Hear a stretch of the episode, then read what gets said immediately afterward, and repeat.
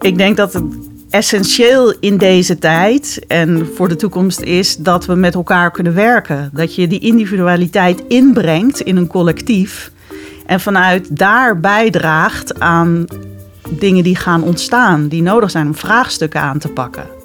Dit is wat er uitkomt. Het kind denkt structureel de andere kant op. Daar kunnen we over blijven zeuren. Hij doet het niet met opzet. Dit is wie hij is. Dus ga je hem de hele tijd vertellen je doet het verkeerd? Of ga je een manier zoeken dat het kind met je mee kan? Dat hij zich gehoord, gezien en gewaardeerd voelt. En het grote risico is dat we ook weer terugvallen in onze oude gewoontes. En dat wil zeggen dat we zekerheid willen hebben.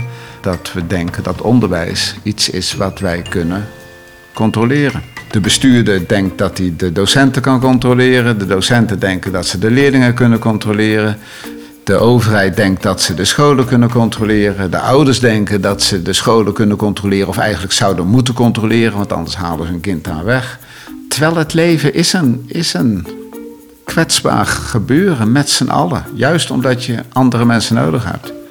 Als de leerling niet leert, dan kun je lesgeven je naar ons weegt. Maar dan, dat betoog ik in mijn boek, dan is het niet eens lesgeven. Zelfs lesgeven kun je alleen maar samen. En ja, ik zou zeggen, wat je nooit mag vergeten is dat je, dat je iemand aan het onderwijzen bent. Dat het uiteindelijk gaat om een, een, een nieuwe mens die je wil toerusten, aanmoedigen, oriëntatie bieden om in die wereld te kunnen stappen. Kinderen verdienen onderwijs wat bij ze past. Zo simpel. Je kan naast mensen staan. Je kan ze soms helpen. Maar geef ze nooit het idee dat ze worden geholpen. Want dan maak je slachtoffer van mensen. Hou altijd hun waardigheid in je gedachten. Dat het niet zozeer gaat om het reproduceren van kennis, maar we hebben mensen nodig die zelf kunnen denken. En die zelf creatieve oplossingen kunnen verzinnen.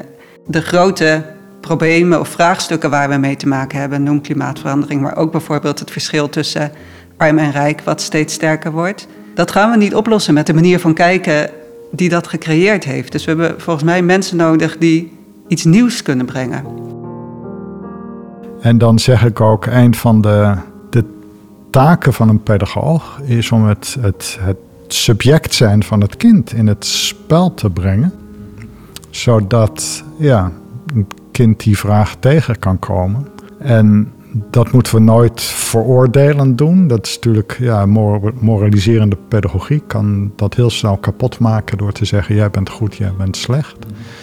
Maar juist door eigenlijk ja, een, een kind op, op zijn eigen vrijheid te wijzen. En ook vormen te vinden waarin je daarmee kunt oefenen en dat tegen kunt komen. Dat is voor mij een, ja, een wezenlijk pedagogisch moment. Dus daar komt voor mij dat woord spel. Waarbij ik het altijd mooi vind dat je het woord dus kunt gebruiken om te vragen: staat hier echt iets op het spel? Gaat het om iets of is het, is het een pure oefening? Maar kinderen zijn, zijn heel simpel. Als jij van ze houdt, houden ze terug van je. Een paar koffers vol liefde mee en je krijgt een heel vliegtuig vol terug.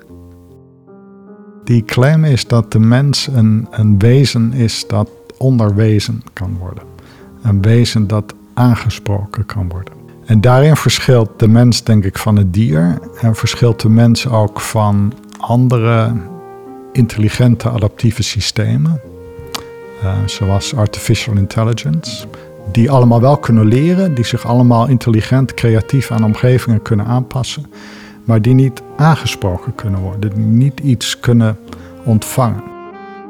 En je kunt zeggen, het werk van de leraar is om altijd ja, zich ook te oriënteren op wat, wat nu nog niet zichtbaar is, maar mogelijkerwijs wel kan ontstaan. En dat is een ander nadeel als je voortdurend maar blijft toetsen en zegt, nou het is goed dat we dat in beeld krijgen. Ja, daarmee leg je eigenlijk neer bij de, de situatie zoals die nu zichtbaar is. En niet op de, de toekomst die, die anders kan zijn. En als je op die toekomst wil anticiperen, vraagt dat heel ander werk van een leraar ook. En dus dat vertragen op scholen zou volgens mij zoveel oplossen. Want het zou kinderen een hele andere mentaliteit geven. Het zou betekenen dat je echt een generatie krijgt die anders denkt. Anders kan leven. Ja, ik denk dat je dan een veel uh, uitgebalanceerdere samenleving zou hebben. als eh, leerkracht, wanneer weet je dan of je het goede doet? Nou, dat weet je niet. Nee. Nee, het goede zit in het zoekende. Dus het- je weet het niet, maar dat je het je afvraagt, heb ik daar nou goed aan gedaan? Dat, dat, dat, is, dat vind ik wel een teken van professionaliteit.